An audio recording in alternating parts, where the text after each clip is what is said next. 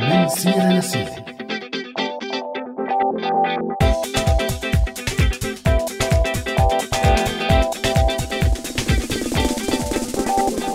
يسعد مساكم مستمعينا مستمعي راديو سوريالي بحلقة جديدة من برنامج من سيرة لسيرة. معي أنا عزة وكمان معي همام من وراء المايك. مرحبا همام يسعد مساك. مرحبا عزة يسعد مساكي ومسا كل مستمعينا عبر هوا راديو سوريالي بحلقة جديدة لليوم يلي رح نحكي فيها عن العمل المدني بسوريا. رح نحكي بحلقتنا عن العمل المدني وبداياته بسوريا وتحوله من شكله المحدد قبل 2011 لشكل تاني من بعد 2011 ورح نحكي كمان عن تمثيل النساء وحضورها بمنظمات المجتمع المدني وكمان عن رؤيتنا لواقع العمل المدني بالسنين الجاية. ورح تكون معنا بهالحوار ضيفتنا من الشمال السوري الناشطة نيفين الحوتري ورح نتحاور معها عن دور المرأة بالعمل المدني والصعوبات يلي عم تواجهها. فرح نبلش حوارنا مستمعينا من بعد ما نمسي على أماني معدة البرنامج وغالية بمتابعة التعليقات وتيسير على الهندسة الصوتية يسعد مساكم جميعا. هالدنيا اتنين اتنين مثلا شوفوا الإيدين. وحدي ما فيها تزقف من زقف بالتنتين.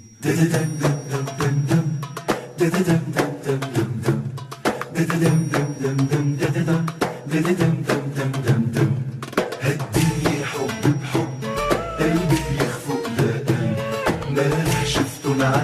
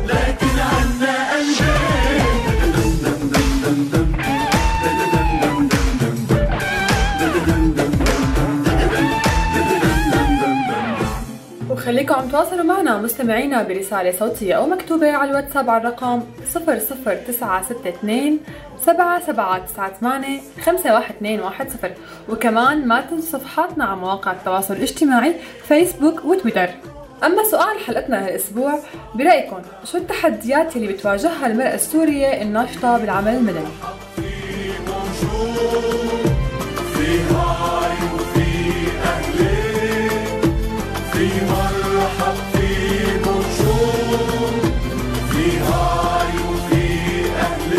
بس الأحلى أهلين.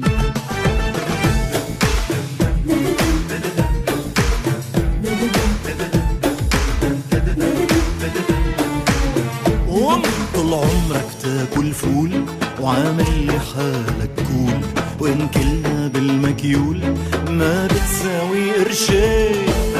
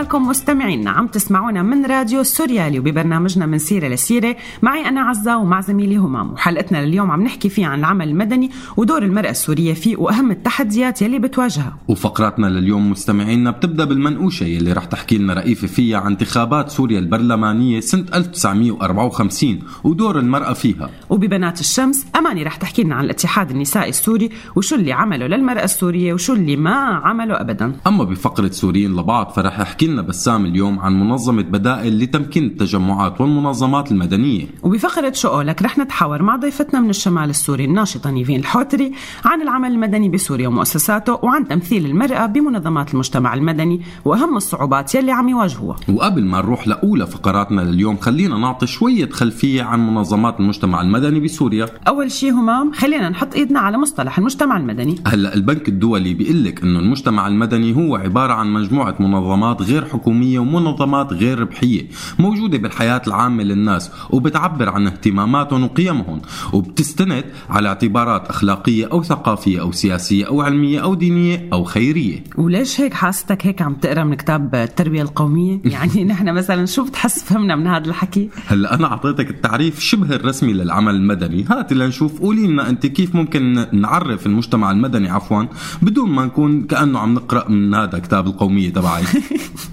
لا ما بدي أطول بالك. الموضوع ببساطة هو مجموعة منظمات بتعمل أنشطة بتقدم من خلالها خدمات أو بتأثر على السياسات العامة أو بتدعم التعليم أو بتشتغل على تمكين المراه وهيك والله طلع الموضوع كتير أبسط من اللي أنا حكيته عن جد.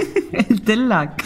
طيب بما إنك السهل الممتنع قولي لنا يا ست عزة شو يعني منظمات المجتمع المدني السوري؟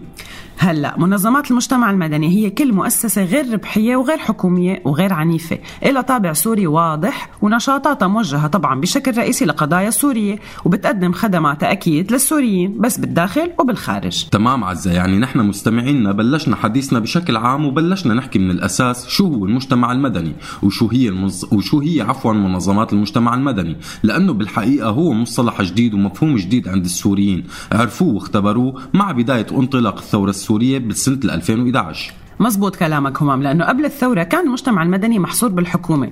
هو يا أما مؤسسات خيرية أهلية محدودة النشاط وتحت رقابة مباشرة من أجهزة الحكومة يلي بتمثلها طبعا وزارة الشؤون الاجتماعية والعمل أو هو عبارة عن جمعيات بتديرها دوائر السلطة بإشراف مباشر من زوجة رئيس النظام السوري مثل مثلا الأمانة السورية للتنمية والغرفة الفتية الدولية ومركز الأعمال والمؤسسات السوري وغيرهم يعني. أما بعد الثورة وخلال 2012 تراجع دور العمل السلمي بعد عسكرة الثورة وهذا الشيء خلى النشطاء السلميين ليأسسوا عمل مدني يهتم بعدة مجالات وخلال سنة 2012 وما بعد بلشت تتزايد منظمات المجتمع المدني بشكل واضح ومثل ما قلت همام هذا التزايد اجى نتيجة لتسليح الثورة ولتراجع دور الدولة بتقديم الخدمات الأساسية بالمجتمع بس شو العلاقة بين تسلح الثورة وزيادة عدد منظمات المجتمع المدني؟ طبعا عزة لها علاقة لأنه تسليح الثورة أدى لوجود مواجهات مسلحة بين المعارضة والنظام وهذا الشيء سبب لتصعيد بكثير من المناطق السورية اللي تعرضت للحصار والقصف وبهي الحالة زادت الحاجة للخدمات يلي بطلت الحكومة تقدمها وبنفس الوقت زاد حجم الاحتياجات الأساسية مثل الأكل والشرب والتعليم واللبس والصحة وغيرها تمام مشان هيك تكونت هاي المنظمات من ناشطين سوريين فاعلين لتاخذ أدوار إغاثية وتنموية، بس كمان همام بظن إنه بطالة الشباب كمان لها دور كتير كبير بتزايد منظمات المجتمع المدني بال 2012 وبعدها، لأنه بتأسيس هاي المنظمات خلقوا الشباب لحالهم فرص عمل ذاتية. أكيد كمان هذا الشيء له دور وبناء على هي الأسباب تركزت منظمات المجتمع المدني بسوريا بمناطق سيطرة المعارضة بالشمال السوري مثل ريف حلب وإدلب وريف دمشق ودرعا والقنيطرة. ومن تاريخ عمل منظمات المجتمع بسوريا رح نروح لتاريخ الانتخابات بسوريا ورح تحكي لنا رئيفة بالمنقوشة عن انتخابات سوريا البرلمانية سنة 1954 ودور المرأة فيها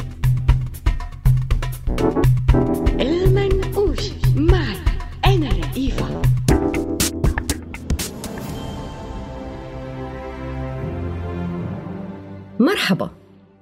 التاريخ السياسي لأي بلد هو جزء كتير مهم من البلد وحياته وثقافته ومستقبله.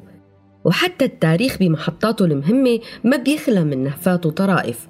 بتطلعنا أحيانا على تفاصيل هي الرحلة وبتعرفنا عليها بدقة. رح أخبركن اليوم عن نهفات بتتعلق بالانتخابات البرلمانية سنة 1954 واللي كانت أول تجربة ديمقراطية بالمنطقة وانطوت على كتير من المفاجآت. يمكن أبرزها فوز خالد بقداش يلي كان أول نائب شيوعي عربي بالمنطقة.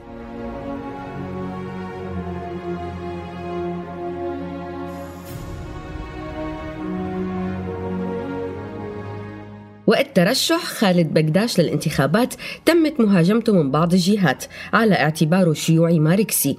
قضى فترة حياته بروسيا وحتى أنه بعض المهاجمات كانت شخصية وحساسة وبتخص حياته الشخصية. ونظرا لهي المهاجمات ما كان متوقع فوزه. واللي صار بالحقيقة أنه المهاجمات والأقاويل يلي انحكت عنه ساعدته وفادته كتير أكتر ما تضره. لأنه هي الأقاويل خلت النساء والشباب يشوفوا فيه الإنسان التقدمي يلي البلد بتحتاجه واللي ممكن يلبي طموحاتهم وآمالهم. وأصدروا طلاب جامعة دمشق قائمة بأسماء المرشحين يلي بأيدوهم بانتخابات دمشق. وكانت المفاجأة أنه القائمة كانت بتضم اسم خالد بقداش.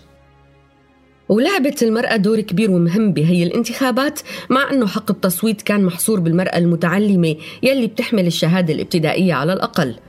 وكانوا الناخبات المثقفات بيحاربوا كل مرشح رجعي وبأيدوا كل مرشح تقدمي حتى لو كان شيوعي لأنه التقدمية معناها استكمال المرأة السورية لحقوقها السياسية. وكان عدد النساء يلي بحق لهم ينتخبوا بدمشق 8000 امرأة من حملة الشهادة الابتدائية على الأقل. وكانت الجمعيات النسائية وعلى رأس الاتحاد النسائي السوري تشرف على عمليات الاقتراع بالمراكز المخصصة للنساء وبتوعي النساء بضرورة انتخاب الشخص يلي بيشوفوه إنه رح يسعى لاستكمال حقوق المرأة. وكان شعار لا تنتخبن أي مرشح رجعي فلا تأييد لمرشح لا يؤيد حقوق المرأة.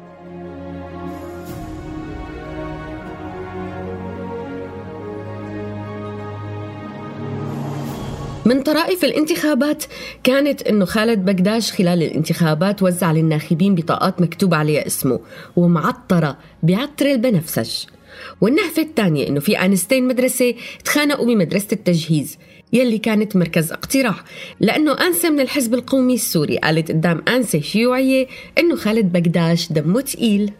ومن المفاجآت كان فوزه ب 19 ألف صوت 8000 منهم كانوا من النساء. وكتبت مجلة الاثنين والدنيا بعددها الصادر بتاريخ 4 تشرين الأول عام 1954 عن هذا الحدث. شهدت سوريا في الأسبوع الماضي أعجب وأخطر الانتخابات البرلمانية في تاريخ الحديث. وأخطأت جميع التقديرات والتكهنات يلي انتشرت في الأندية والصحف عن نتائج هي الانتخابات يلي إجت بمثابة انقلاب سلمي على الأوضاع القديمة. وعلى فكرة هي الدورة الانتخابية تميزت كمان بترشح النساء للبرلمان. ومن المرشحات كانت الدكتورة طلعت الرفاعي. وقالت وقتها إني أرشح نفسي اليوم للانتخابات ويدفعني إلى ذلك شعور قوي أفاخر به.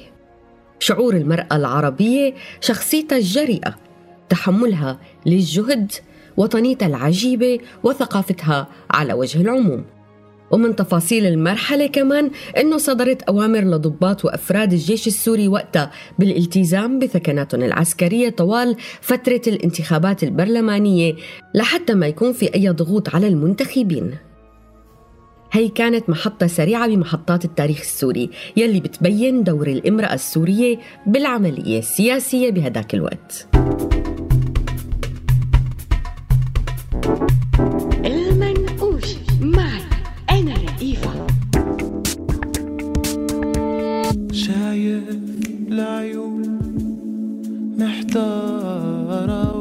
باي كلام الناس. إحجارة وإنتي بهالدرب بنت قوية وما بيرتاحوا الناس. اللي أشوفه فيكي قلبي بيشكي. ما هيك الناس لازم تحكي. بس شو ما صار ما تزعليش. مش لحالك بعد الكون ما تزعليش. ولا هذا آخر يوم.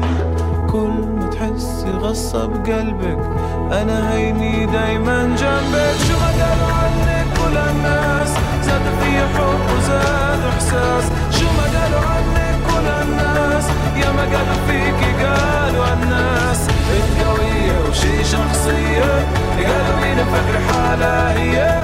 بنت قوية وشي شخصية. يقولوا شو ما يقولوا خليكي هيك. وناطرين مشاركاتكم وتعليقاتكم مستمعينا من خلال إرسال رسالة صوتية أو مكتوبة على الواتساب على الرقم 00962 سبعة سبعة تسعة ثمانية خمسة واحد اثنين واحد صفر. وكمان ما تنسوا صفحاتنا على مواقع التواصل الاجتماعي فيسبوك وتويتر. سؤال حلقتنا برأيكم شو هي التحديات يلي بتواجهها المرأة السورية الناشطة بالعمل المدني؟ ومعنا أحد التعليقات على صفحتنا على الفيسبوك رولا عم بتقول بالخارج تحدي الاستغلال من قبل أصحاب العمل للشخص كونه أول شيء لاجئ وللمرأة تا... آه، والمرأة عفوا بشكل أخص لأنه بتصير هي اثنين بواحد لاجئة ومرأة فبتدوبل المشكلة. أما أحمد عم بيقول إنه فرصتها أقل من الرجال وخاصة بظل الحرب صاروا بيعتبروا إنه هي ما لازم تطلع- من البيت والأعمال الخارجية كلها للرجل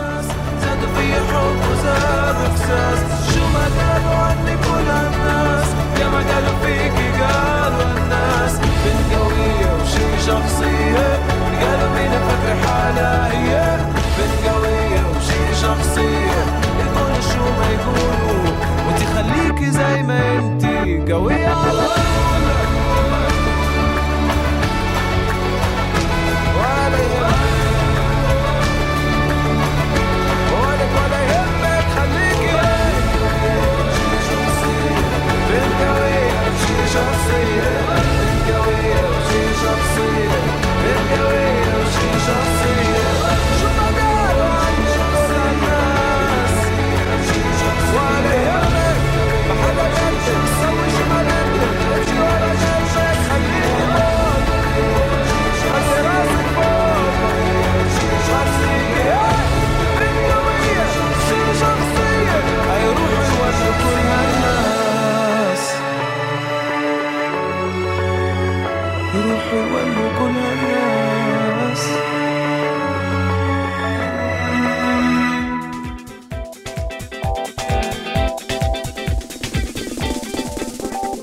ورجعنا لكم مستمعينا. أنتم عم تسمعونا على هوا راديو السوريالي ببرنامج من سيرة لسيرة اللي عم نتناول فيه اليوم العمل المدني بسوريا والتحديات اللي بتواجه منظمات المجتمع المدني وتمثيل المرأة بهي المنظمات.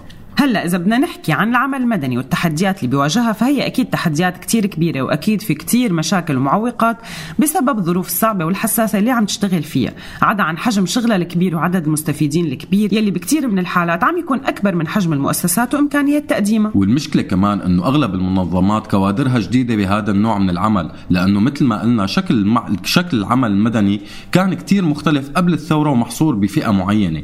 ومن جهة تانية هي المنظمات كانت وليدة الحاجة يعني ما كان في وقت لما تأسست إنها تشتغل على الكوادر وتدربهم يعني انولدت بوقت سريع كتير لتلبي احتياجات كتير كبيرة. لك وغير هيك همام هي بلشت عم تعاني من من الحصار والقصف والنزوح والهجرة وصعوبة التحرك وغياب الأمن وعدم الاستقرار، بس بتعرف يمكن هلأ بعد سبع سنين من العمل المدني أكيد تغير أداء هي المؤسسات لأنه صار عندها خبرة بهالمجال ويعني تعلمت من كيسها. صح بس هذا مو معناه إنه ما عاد في صعوبات. يعني في عندك من أهم الصعوبات الصعوبات يلي بيواجهها العمل المدني بسوريا التمويل وعدم استقراره. وفي عندك عدم وجود مقرات تضمن استقرار العمل. وفي عندك نقص الموارد البشرية والاحتياجات التدريبية. هذا غير تعرضها للضغوط من قبل السلطات المحلية وضغط مجتمعية أحيانا كمان. بس في شيء كتير مهم عزة إنه هي الصعوبات عم تأثر على أداء المنظمات نفسها. يعني من بداية العمل المجتمعي وهو عم ينحكى بموضوع التنسيق ولهلأ التنسيق بين منظمات المجتمع المدني السوري كتير ضعيف. وهذا بحد ذاته عم يخلق تحديات جديدة وعم يعزز الصعوبات القائمة.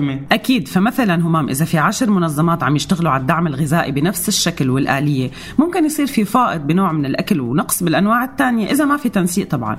أو ممكن يصير مثلا في كفاية بالأكل ونقص بالتعليم بينما إذا في تنسيق فبتتقسم الاحتياجات وبتسد كل منظمة جانب من هالاحتياجات.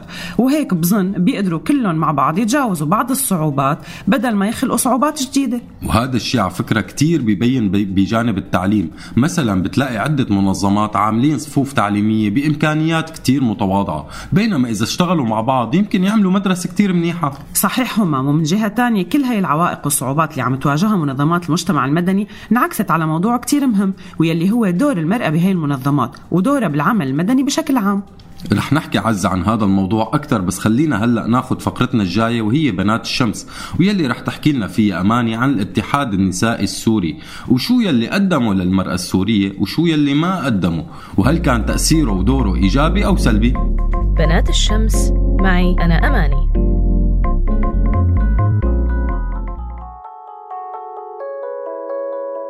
مرحبا. لما نحكي اليوم عن المرأة السورية ودورها وتمثيلها بالمجتمع ومنظماته أول شي بيجي ببالنا الاتحاد العام النسائي. يلي صدر السنة الماضية قرار حله بموجب المرسوم التشريعي رقم 16 لسنة 2017 والقاضي بإلغاء القانون رقم 33 لسنة 1975 قرار الإلغاء صدر بدون إيضاح لأي أسباب اجتماعية أو سياسية أو تنظيمية أو حتى مالية. وبدون أي مناقشة لبدائل محتملة وبحسب القانون الداخلي للاتحاد هو أول تنظيم جماهيري بالجمهورية العربية السورية بيوحد جهود المرأة بمؤسسة بتخصها وبيعبر عن إرادتها الواعية وبتقدر المرأة فيه تمارس دورها الفعال بمختلف نواحي الحياة الاجتماعية والثقافية والاقتصادية والسياسية. تعالوا نتذكر بهالحلقة شو الدور اللي أخده الاتحاد العام النسائي بسوريا على مدى تاريخه الطويل خلال خمسين سنة هل اشتغل الاتحاد العام النسائي على توعية المرأة ومساعدتها بوعي ذاتها ووعي المجتمع؟ هل دافع الاتحاد العام النسائي عن كيان المرأة وسعى بوصفة منظمة موجودة من أجل المرأة لحمايتها من عنف المجتمع والنظام؟ هل دافع عن المعتقلات السياسيات اللي تعرضوا لكل أشكال العنف والإهانة لإنسانيتهم لمجرد أنه تبنوا رأي مغاير لنهج النظام؟ هل سعى لبلورة مشروع بيحمي المرأة من سلطة القوانين الجائرة بالبلد؟ الجواب عن كل هاي الأسئلة هو لا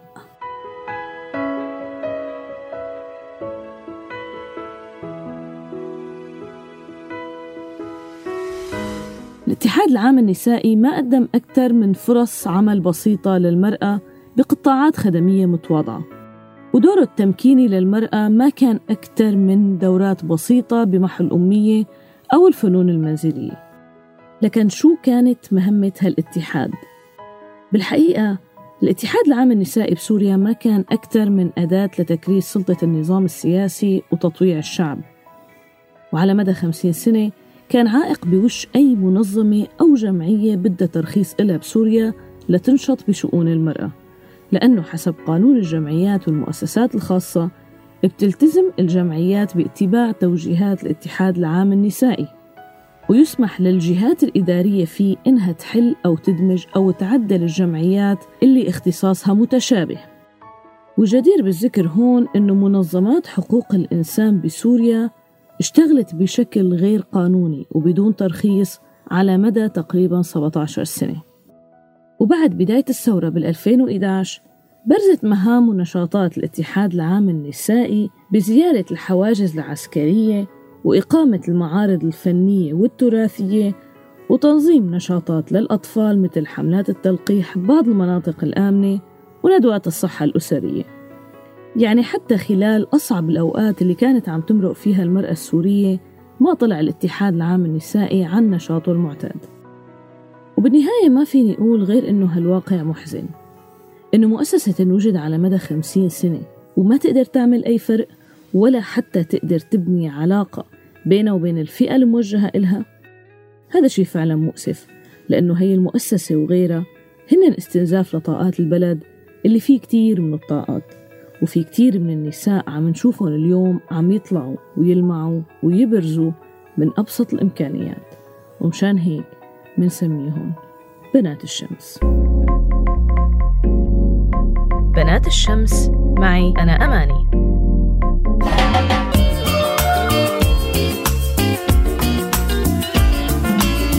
مش صعب أخلي اللي أنا بتمناه يبقى حقيقة وأنا لازم أكون واثقة في إحساسي في كل دقيقة.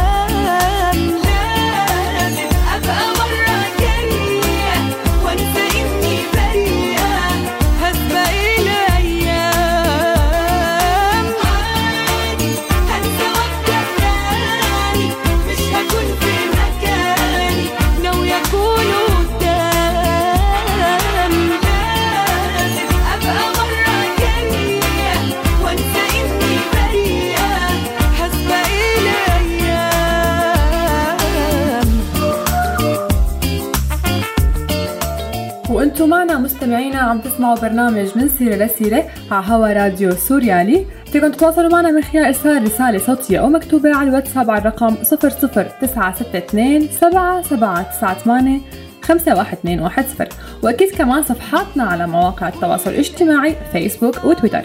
معنا كمان صديقتنا ميلي عم بتقول اولا عدم أخذ النساء على محمل الجدية بأي عمل بتقوم فيه ودائما في تشكيك بقدراتها ثانيا ضغط الأهل إنه العمل بالمجال العام بيجيب وجع راس وشو بدك فيه. شكرا يا ميلي على مشاركتك. ومعنا كمان صديقتنا راما عم بتقول إنه كونه أعداد الرجال أكبر بالمؤسسات من النساء فبصير في استضعاف لها وهذا الاستضعاف بيؤدي لممارسة المضايقات والتحرش. أو أو أو أو. شكرا يا راما على مشاركتك. معنا كمان حتى تعليقات آه، ميس عم بتقول آه، موضوع عدم الإحساس بالأمان بأي مكان عمل. الأمان الوظيفي المقصود وإمكانية التعرض للتحرش أو التشهير أو الابتزاز من أي طرف بتشتغل معهم لأنه بيشوفوها دائما ضعيفة. وكمان عدم غياب آليات للحماية والتبليغ بصير الوضع أصعب والمرأة بتسكت عن هي الانتهاكات من الخوف ومن وضع اللوم عليها طبعا. ولأنه ما في تضامن مع الناجيات أو النساء يلي بيتعرضوا لأي انتهاك أو تشهير. شكرا على مشاركتكم أصدقائي.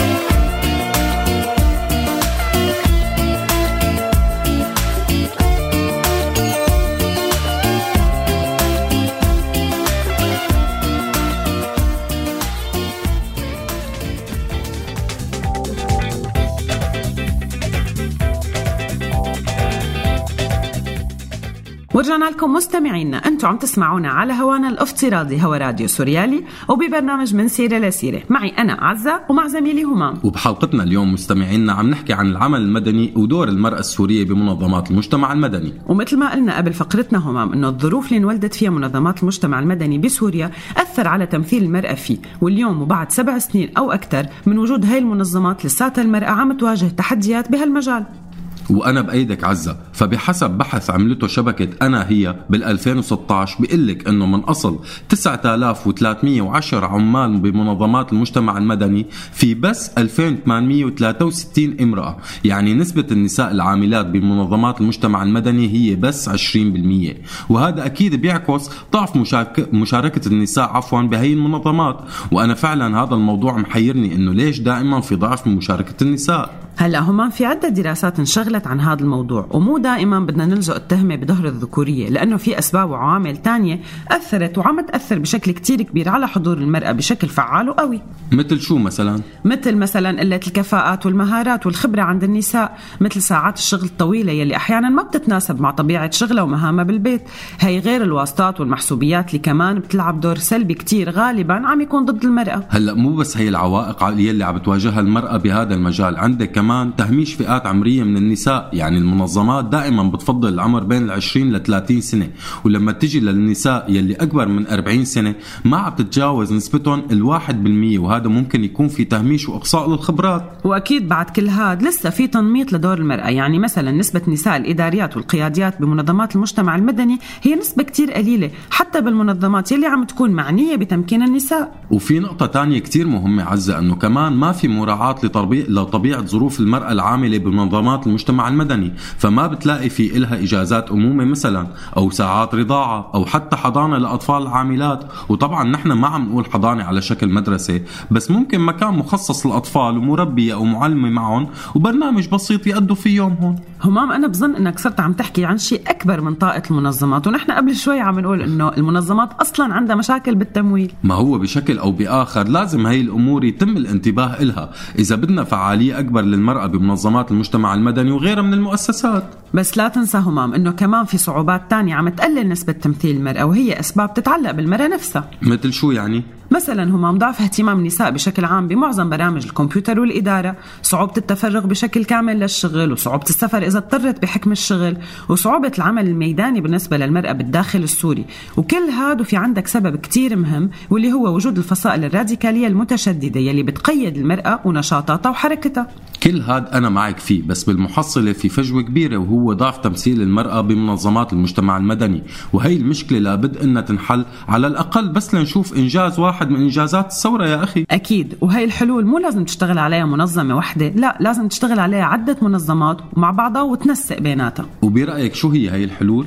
أول شيء التشجيع على العمل التطوعي ليطوروا النساء من خلال مهاراتهم وخبراتهم. وإيجاد فرص عمل بتناسب الأمهات مثلا يكون دوام جزئي عدد ساعات مناسب لظروفها أو ممكن تشتغل كمان على نظام الساعات. ولازم لازم يكون في دعم مشاريع تمكين المرأة وتكون مشاريع فعالة وحقيقية لأنه للأسف المشاريع أغلبها ما عم تتجاوز المهارات اليدوية. خياطة طبخ تطريز. وكمان لازم ينشغل على الدورات التدريبية الم- الموجهة للنساء كمبيوتر إنجليزي إدارة وتكون دورات تدريبية وبرامج كاملة. مو ورشة عمل يومين أو ثلاثة ولازم ينفتح المجال للنساء يلي ما عندهم خبرة لحتى يبنوا هاي الخبرة ولحتى يطوروا مهاراتهم. ومهم كتير أنه تتعدل الأنظمة الداخلية بمنظمات المجتمع المدني لتضمن احتياجات المرأة. وأكيد مو غلط الاعتماد على الأعمار الصغيرة بس بنفس الوقت لازم يتم الاستفادة من صاحبات الخبرة الطويلة. وكمان ضروري نبعد عن الأدوار النمطية بتوظيف النساء. يعني المرأة مو لازم تكون دايما سكرتيرة وغير هيك لازم تنمنح فرص عمل بالتساوي للجنسين وما يكون الرجال له الأفضلية بأي منصب وظيفي. وعلى فكرة مستمعينا هي, الاحت... هي الاقتراحات عفوا نحن مالنا عم نحكيها من راسنا لأنه هي خلاصة دراسات وأبحاث انشغلت على الموضوع على مدى السبع سنين الماضيين. وبظن هاي المقترحات إذا تطبقت رح تعمل عن جد تغيير همام كتير حقيقي بفعالية دور المرأة بمنظمات المجتمع المدني. وهلا مستمعينا صار وقت فقرتنا الجاية وهي السوريين لبعض. رح نروح لعند بسام ليحكي لنا عن منظمة بدائل لتمكين التجمعات والمنظمات المدنية. سوريين لبعض. معي أنا بسام داوود لنحكي عن مبادرات آنفية السوريين للسوريين. مرحبا. من بداية الثورة السورية بآذار 2011 كان الطرح الشائع هو التساؤل عن البديل شو البديل لغياب مؤسسات الدولة؟ شو البديل للعنف؟ شو البديل للنظام؟ مين البديل للرئيس؟ شو البديل للعسكرة؟ ومن هون إجت فكرة مؤسسة بدائل اللي بتآمن بوجود البدائل بشكل دائم وكل شيء بيتطلبه الموضوع هو ابتكار وسائل متجددة بالمحاولة للتعامل مع المشاكل والقضايا اللي منواجهها من خلال تشجيع التفكير النقدي المعتمد على تحليل المعلومات والتعامل معها بدل التعاطي معها على انها مسلمات أو بديهيات فمين هي مؤسسة بدائل؟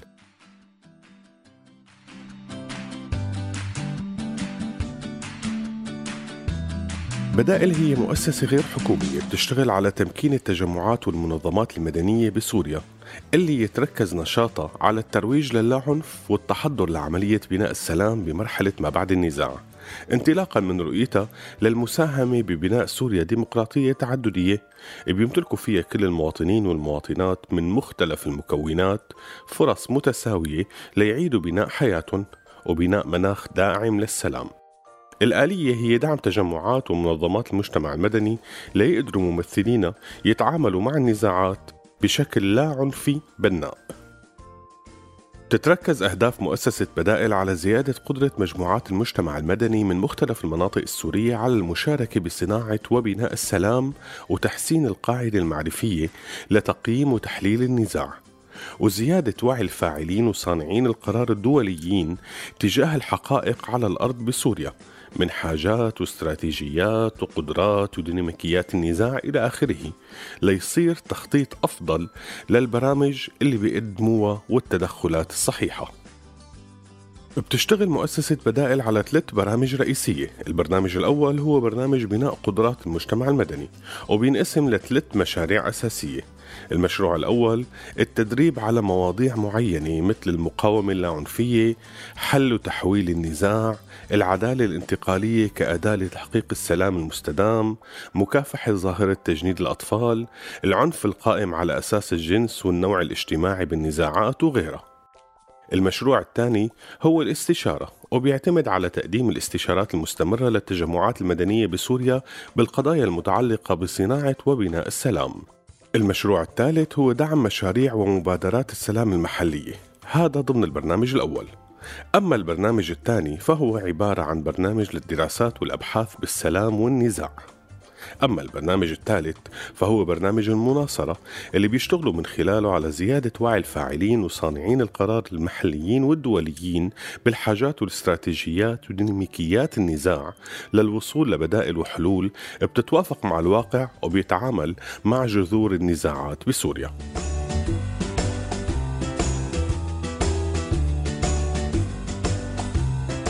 هاي البرامج بتتقدم من خلال مدربين بدائل وهن النشطاء بالمجتمع المدني من مناطق مختلفة من سوريا مؤهلين لهذا الدور وبيخضعوا للتدريب والتأهيل بشكل دوري من خلال ورشات لتدريب المدربين. تحت شعار نحو سلام مستدام في سوريا عم تحاول مؤسسة بدائل إن تلاقي البدائل عن العنف والاستسلام وتدعم السوريين وتناصرهم ليبقوا السوريين سوريين لبعض. سلام. سوريين لبعض. معي أنا بسام داوود. لنحكي عن مبادرات آنفية السوريين للسوريين.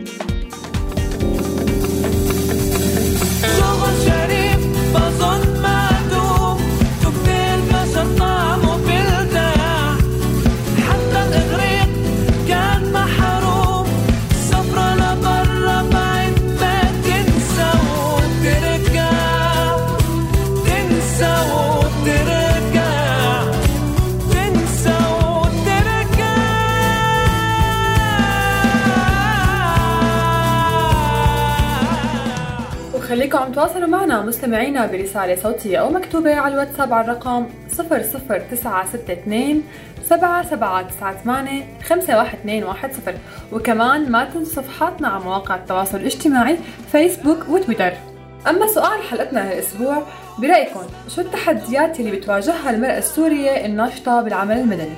معنا قدر عم بتقول الأهم من هذا كله غياب قوانين وآليات تضمن المساواة والحقوق للنساء والرجال. هذا النقاش بده يضل في جدل آه، كتير كبير وعدم الوصول لنتيجة حقيقية.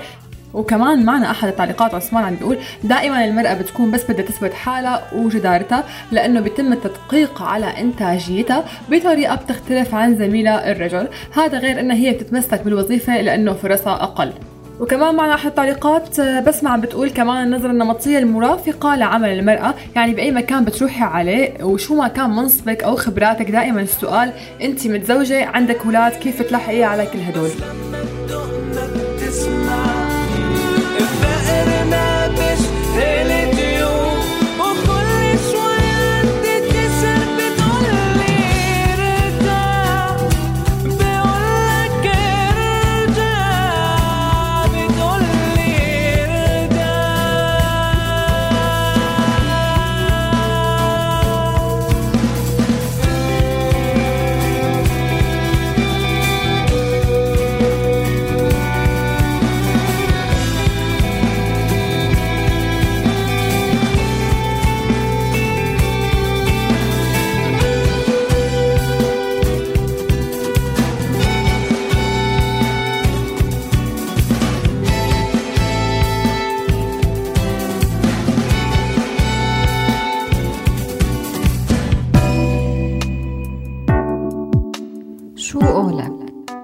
اقتصر عمل المجتمع المدني بسوريا قبل الثورة على جمعيات خيرية ومنظمات ما طلعت عن سيطرة وسلطة الحكومة.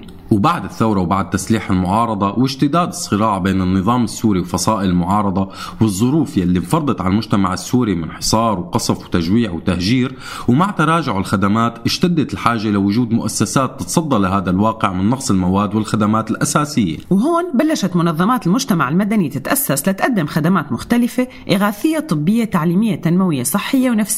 وغيرها. وبسبب الحالة الطارئة اللي تكونت فيها منظمات المجتمع المدني بسوريا واجهت هي المنظمات عدة عوائق وتحديات بمجال عملها مثل الضعف التمويل عدم وجود كوادر مؤهلة عدم القدرة على الاستجابة لمتطلبات المجتمع وغيرها. هاي التحديات انعكست بشكل كتير كبير على وجود المرأة بهاي المنظمات وأدائها لدور فعال وحقيقي لكتير من الأسباب. عن المجتمع المدني ومنظماته والتحديات يلي بيواجهها وعن ضعف تمثيل النساء بمنظمات المجتمع المدني رح يكون حوارنا مع ضيفتنا لليوم من الشمال السوري الناشطة نيفين الحوتري الناشطة بمجال حقوق المرأة والمجتمع المدني نيفين حوتري أهلا وسهلا فيك ضيفة عزيزة ببرنامج من سيرة للسيرة على هوا راديو سوريالي. أهلا وسهلا فيك نيفين. أهلا وسهلا فيكم. يا هلا أهلا نيفين. حديثنا. اليوم نيفين عن المنظمات بالمجتمع المدني وعمل المرأة فيها. بالبداية شو يعني عمل مدني وشو هي منظمات المجتمع المدني؟ تمام.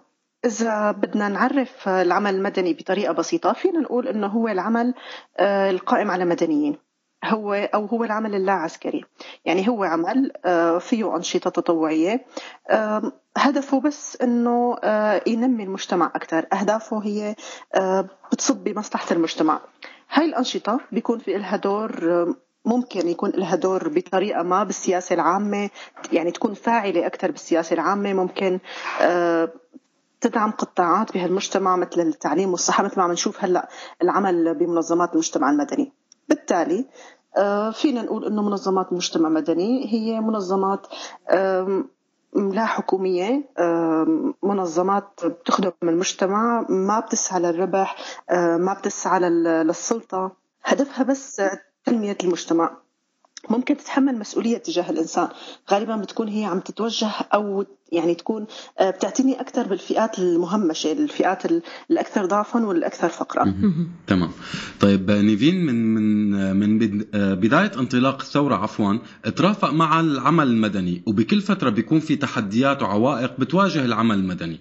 خلينا آه، عفوا خلينا نحكي عن هي الفترة الحالية. شو أبرز العوائق والتحديات اللي عم تواجه العمل المدني بسوريا؟ أبرز العوائق اللي عم تواجهه خلينا نقول عدم الوضوح أو مثل ما بسميها أنا الضبابية. في ضبابية بالمشهد العام ما بنعرف نحن أغلبنا آه، سواء كنا جوا سوريا أو برا آه، شو حيصير بعد ست شهور. لما ما حدا بيقدر يجاوب على هذا السؤال معناتها ما عم نقدر إحنا نخطط للمستقبل.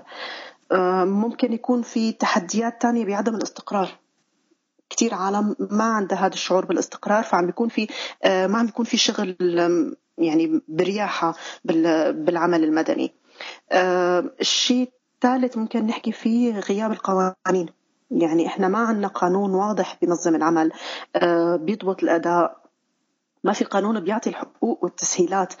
آه، مثل ما بيعطي حقوق ممكن هو يتابع الواجبات. آه، ما في حماية للعاملين بالعمل المدني. غالبا بنسمع إنه في مشاكل آه، في خطف في كثير بيكون في مشاكل. فهذا هذا ممكن يولد خوف ممكن يكون تحدي وعائق آه، للعاملين بمنظمات المجتمع المدني. الشيء الأخير هو شيء داخلي يمكن منا وفينا هذا إنه ما في رابطة بتجمعنا كناشطين بالمجتمع المدني أو كمنظمات مجتمع مدني. هي الرابطة ممكن هي تجمع آه، كل المؤسسات ممكن تجمع حتى العاملين بهذا المجال آه، بحيث إنه وقت بنكون مع بعض أكيد بنكون أقوى. تمام. طيب نيفين المرأة السورية كيف لعبت أو حتى لسه عم تلعب دور ببناء المجتمع المدني؟ فيك تحكي لنا شوي عن الموضوع؟ هلأ إذا بنتذكر سوا المرأة السورية كانت حاضرة من بدايات الحراك المدني. يعني إذا بنرجع بالذاكرة لورا هي كانت موجودة بالمظاهرات السلمية ببداية الثورة. وحتى فيما بعد هي كانت ال- المعلمة المتطوعة سواء بالمدارس أو إنه هي عم عم تعطي دروس بالبيت بأماكن آمنة على وقت ما كان النظام يستهدف المدارس. آه، هي كانت الممرضة وهي لا زالت موجودة. إذا بدي أبعد شوي أنا عن التنميط إنه هي مو بس معلمة ممرضة آه، هي موجودة بال- بالمجالس المحلية. عم تساهم ببناء المجتمع حتى لو كان بشكل خجول يعني. هي موجودة بأكثر من قطاع موجودة بالشرطة مثلا آه، موجودة بمراكز قيادية بالمنظمات. يعني فيني أقول أنا طالما هي نصف المجتمع فطبيعي إنه إحنا نلاقي دورها بهذا المجتمع. طبيعي إنه يكون في دور ملموس لإلها يعني. أها حلو. طيب نيفين كنت عم بتقولي انه إنه متواجدة ولكن بتواجد خجول شوي. يا هل ترى في اقتراحات ممكن تحسن مشاركة المرأة بالعمل المدني؟ أكيد. يعني إحنا إذا اشتغلنا على التوعية أكثر آه، كتير ضروري بهالفترة نحكي عن إحنا عن نشتغل على حملات توعية. طبعا آه، هذا الحكي عم بحكي أنا بالداخل. آه، هاي الحملات التوعية ممكن مم، يعني تكون متوجهين فيها إحنا مو بس للنساء. آه، حتى حتى للرجال كتير ضروري يكون الرجل داعم لعمل المرأة. آه، يعرف إنه مشاركتها رح تغني العمل يعني بالتالي هي رح تحسن المجتمع. آه، كتير ضروري النساء والرجال بالمجتمع يعرفوا إنه آه، عدم مشاركة المرأة بالعمل المدني هذا الشيء رح يؤدي إلى تأخر بالنمو. يعني إحنا نتراجع لورا. آه، عدد النساء تقريبا بالمجتمع يعني ممكن أقول أنا قد عدد الرجال أو إذا مو أكثر ما في إحصائية حاليا دقيقة. فإذا هذا العدد الكبير ضل يعتمد بالأداء على الرجال أكيد إحنا رح نتحول ل كنساء رح نتحول لعاله ف كثير سهل إنه تساهم المرأة ببناء المجتمع. إذا قدرنا نأمن لها الجو المناسب لحتى تساهم. هلا مثل ما حكينا في قسم أساسا عم يساهم. بس هاي يعني لا زالوا خجولين. آه، ممكن بالعدوى يعني يصير في لهم تفاعل أكثر آه، وممكن إذا الرجل بالمجتمع المتحفظ آه، كان له دور ممكن أكيد يساعد بمشاركة النساء. تمام. طب نيفين بالشمال السوري في عدة منظمات مجتمع مدني بتشتغل على تمكين المرأة. كيف تقدري توصفي عمل هي المنظمات وقديش فعالة؟ هلأ بالشمال آه، بتختلف من مكان لمكان. بس بشكل عام آه، لسه مشوار طويل. يعني ما ما كثير بحب أنا أجمل الوضع. آه، ماشيين إحنا على الطريق ولكن لساتنا بالبدايات. يعني تمكين المرأة هو عالم كبير. فيه فيه كثير تفرعات. ما بعد التمكين إحنا بحاجة لتعزيز أدوار. هون بالشمال صار في تنوع سكاني بين مهجرات وبين مضيفات. آه، هذا الدور عم يلعب هذا يعني هذا التنوع عم يلعب دور حلو. يعني هذا شيء جيد عم يكون. آه، عم يصب بمصلحة التمكين. في جو من تبادل الخبرات. آه، يعني في مجتمعات قبل التهجير اشتغلت على حالها أكثر النساء هناك وكان في تواجد لا بأس فيه للنساء بالأدوار القيادية. تواجد هدول النساء القياديات آه، خلينا نقول آه، مع نساء قياديات مضيفات عم يعمل جو من المناصرة. أنا بسميها آه، بدعة حسنة أو عدوى جيدة.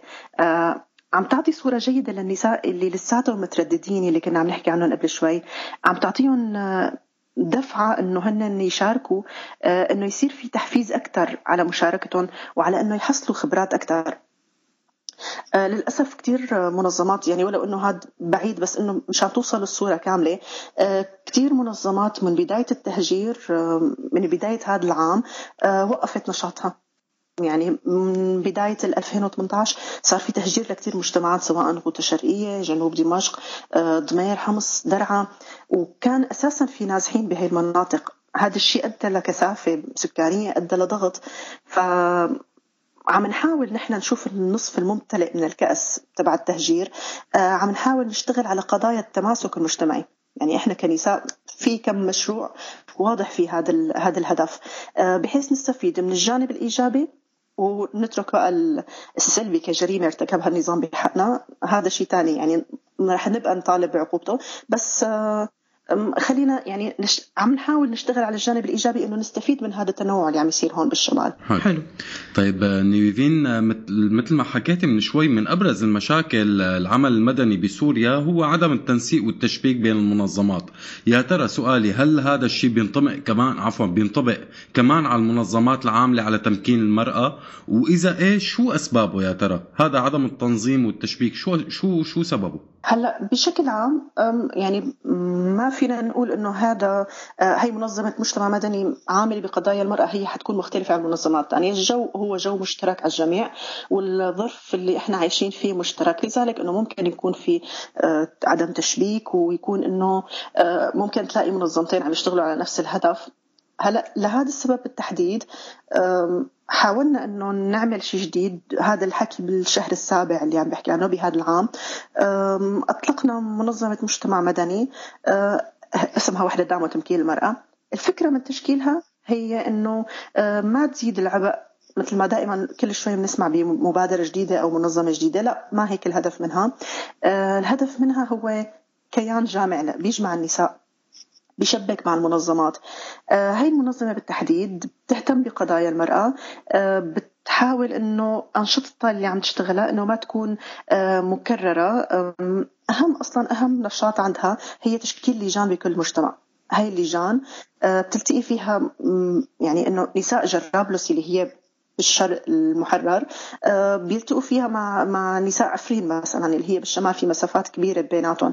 آه، حاولنا كمنظمة نسائية إنه آه، نعمل شيء جديد ما ما يعني كان أتمنى إنه يكون في تجمع للمنظمات المجتمع المحلي بشكل عام بس طالما ما في وقدرانين إحنا نشتغل ككيان نسائي فعم نحاول نشتغل عليه.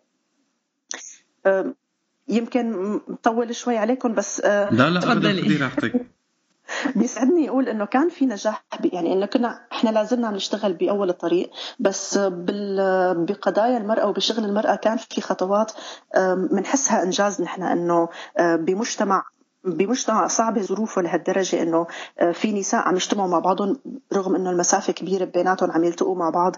بهذا التنوع الثقافي اللي بيناتهم بالتنوع العرقي يعني إحنا إذا بنحكي بالشمال في في عرب وتركمان وكرد مهجرين وأصحاب مكان عم يجتمعوا مع بعضهم هدفهم إنه يسلطوا الضوء على متطلباتهم يطالبوا فيها أكثر يناصروا بعض يعززوا دور بعض عم نحاول دائما نتواصل مع منظمات يعني عم نحاول نمشي. ما دائما نحط اللوم على غيرنا إنه والله المنظمات ما عم تتواصل مع بعضها ما في تنسيق وبنترك اللوم على ولا حدا. فبلشنا بهي الخطوة الأولى إنه إحنا ننسق مع غيرنا. أتمنى تصير عدوى يعني بين المنظمات بعدين. نحن كمان بنتمنى نفس الشيء. طيب نيفين بلدنا إذا ما عمرناها بإيدنا ولا منظمة رح تعمرها. بتتذكريها هالجملة شيء أكيد. أكيد. هي مشان المستمعين كمان يعرفوا هي كانت بداية واحد من منشورات نيفين على الفيسبوك. تدعي فيها السوريين دائما ليدعموا البلد ويسندوه.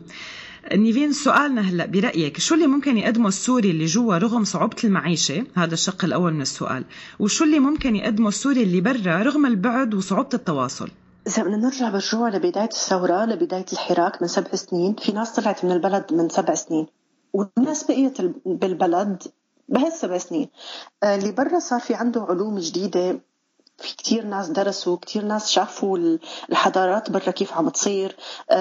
المجتمعات كيف عايشة. يعني في شغلة ابن البلد ما له شايفة اللي عايش جوا البلد ما له شايفة.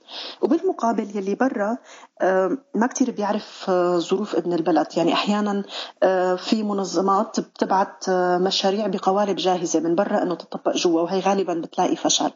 فممكن لما تصير في مشاركة بين اللي برا واللي جوا اللي جوا بيعرف شو الوجع. واللي برا قدران يساعد ممكن إحنا نوصل لشيء منيح. سبع سنين إحنا يعني أنا وقت كتبت البوست كان زعجني إنه سبع سنين وكان عندنا آمال كنا كتير هيك متحمسين وهلأ في كتير عالم يأست لأ ما بتصور في, هلأ ممكن يعني الوضع ما له جيد. ما بدي أنا جمع الوضع الوضع ما له جيد. بس ممكن اللي برا يساعد بعلمه بالشيء اللي شافه برا وممكن اللي جوا يبلش ينفذ. طيب نيفين نهاية بدي أسألك من وجهة نظرك كيف بتشوفي مستقبل العمل المدني بسوريا خلال الظرف الراهن؟ وكيف بتشوفي دور المرأة فيه؟ هلا شوف دور المرأة فيه جملة خلتني ابتسم شوي. كثير عندي أمل بدور المرأة وكثير متشجعة مو لأنه الوضع جيد بس لأنه النساء اللي أنا عم أقابلهم هون بالشمال هن النماذج فعلا بترفع الرأس.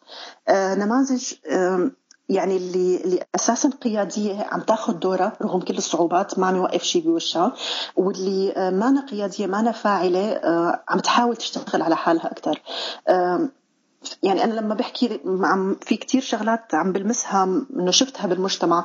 لما إحنا عم نعلن عن تدريبات لرفع القدرات عم يكون إحنا بدنا نستهدف 15 عم يجينا 30 يعني في حاجة عندهم هدول النساء لحتى لحتى يكونوا أحسن.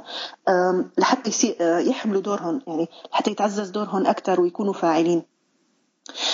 كيف بشوف العمل بالفترة الحالية؟ كأنه إحنا عم يعني عم نشتغل مثل ما حكينا بالقبل ما كتير الصورة قدامنا واضحة ولكن ما فينا نوقف. ما رح نوقف يعني رح نضل نشتغل رح نضل نبني أساس عم ننتظر يوما ما إنه يصير في حل أو يصير في فرج. نقدر يعني بوقتها رح يكون إنه الطريق معبد والطريق سالك. ما رح نكون يعني نستنى لحتى في عندي مشان ما تبلشوا من الصفر. تماما. وفي عندي شغلة دائما أنا بحسها قدوتي بضلني أفكر فيها كل ما يأست. هن نساء ألمانيا. إنه كيف بعد الحرب لما رجعوا أزواجهم هن كانوا مشيوا شوط كتير كبير إنه كيف عمروا البلد وما وقفوا ما ما هدمهم إنه إنه البلد بحرب. كثير في تشابه بين وضعنا ووضعهم بهداك الوقت. الله يقويكم تمام. نهاية نيفير عن جد يعطيك ألف عافية وشكرا كتير إلك على على الشيء اللي عم تعملوه بمحل ما أنتم يعني أكيد مجهود مجهود جبار. آه، بالنهاية يعني ما فينا نتمنى غير إنه تنجحوا بالشيء اللي ما قدروا الرجال يعملوه مثل ما بيقولوا بالمثل بالعامية ما بيجيبها غير نسوانا فإن شاء الله اللي ما قدروا الرجال يعملوه آه، ما وحدوا الفصائل وما عملوا كتير قصص آه، تقدروا أنتم تعملوه. مشان تعرف هلا أنا بتمنى إنه أو رؤيتنا نحن إنه إحنا نوصل لمجتمع سليم آه، يكون للمرأة دور يعني بمش... ببناء المجتمع بمشاركة الرجل. يعني ما لنا غنى عن الرجل والرجل أكيد ما له غنى عن المرأة إن شاء الله بنكون واحد. أكيد أكيد. بالنهاية يعطيك ألف عافية نيفين وشكرا كتير إلك. الله يعافيك يا رب شكرا لك شكرا كتير نيفين. هون عندك حياتك وعندك كل عاداتك وكبرت كأن الإحساس بالغرب انولد معك. بطل يساعك جلدك ولا بيسع أحلامك خايفين تنام سنين وطوعي وبعدك بنت بيك. تخونوا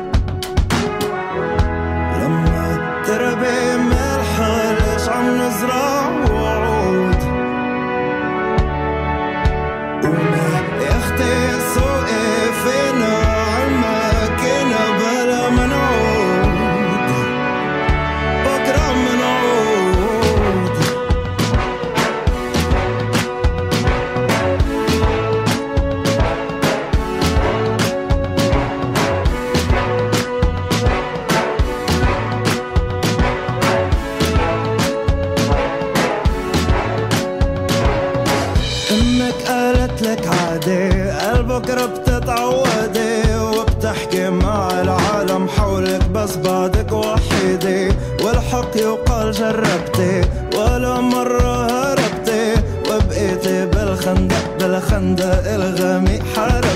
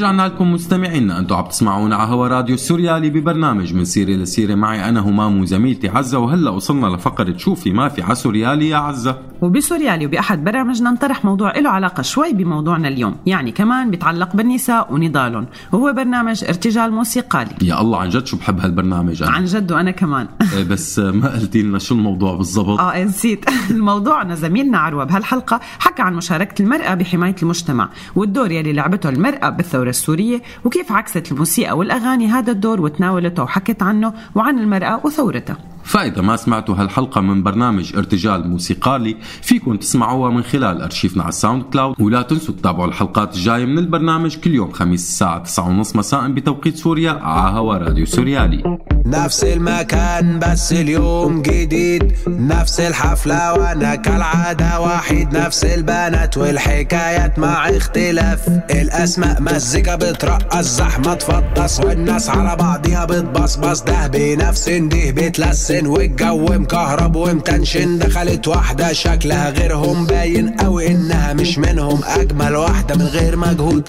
لابسة عادي وشعرها مربوط. مربوط بأستيك في وسط ناس بلاستيك.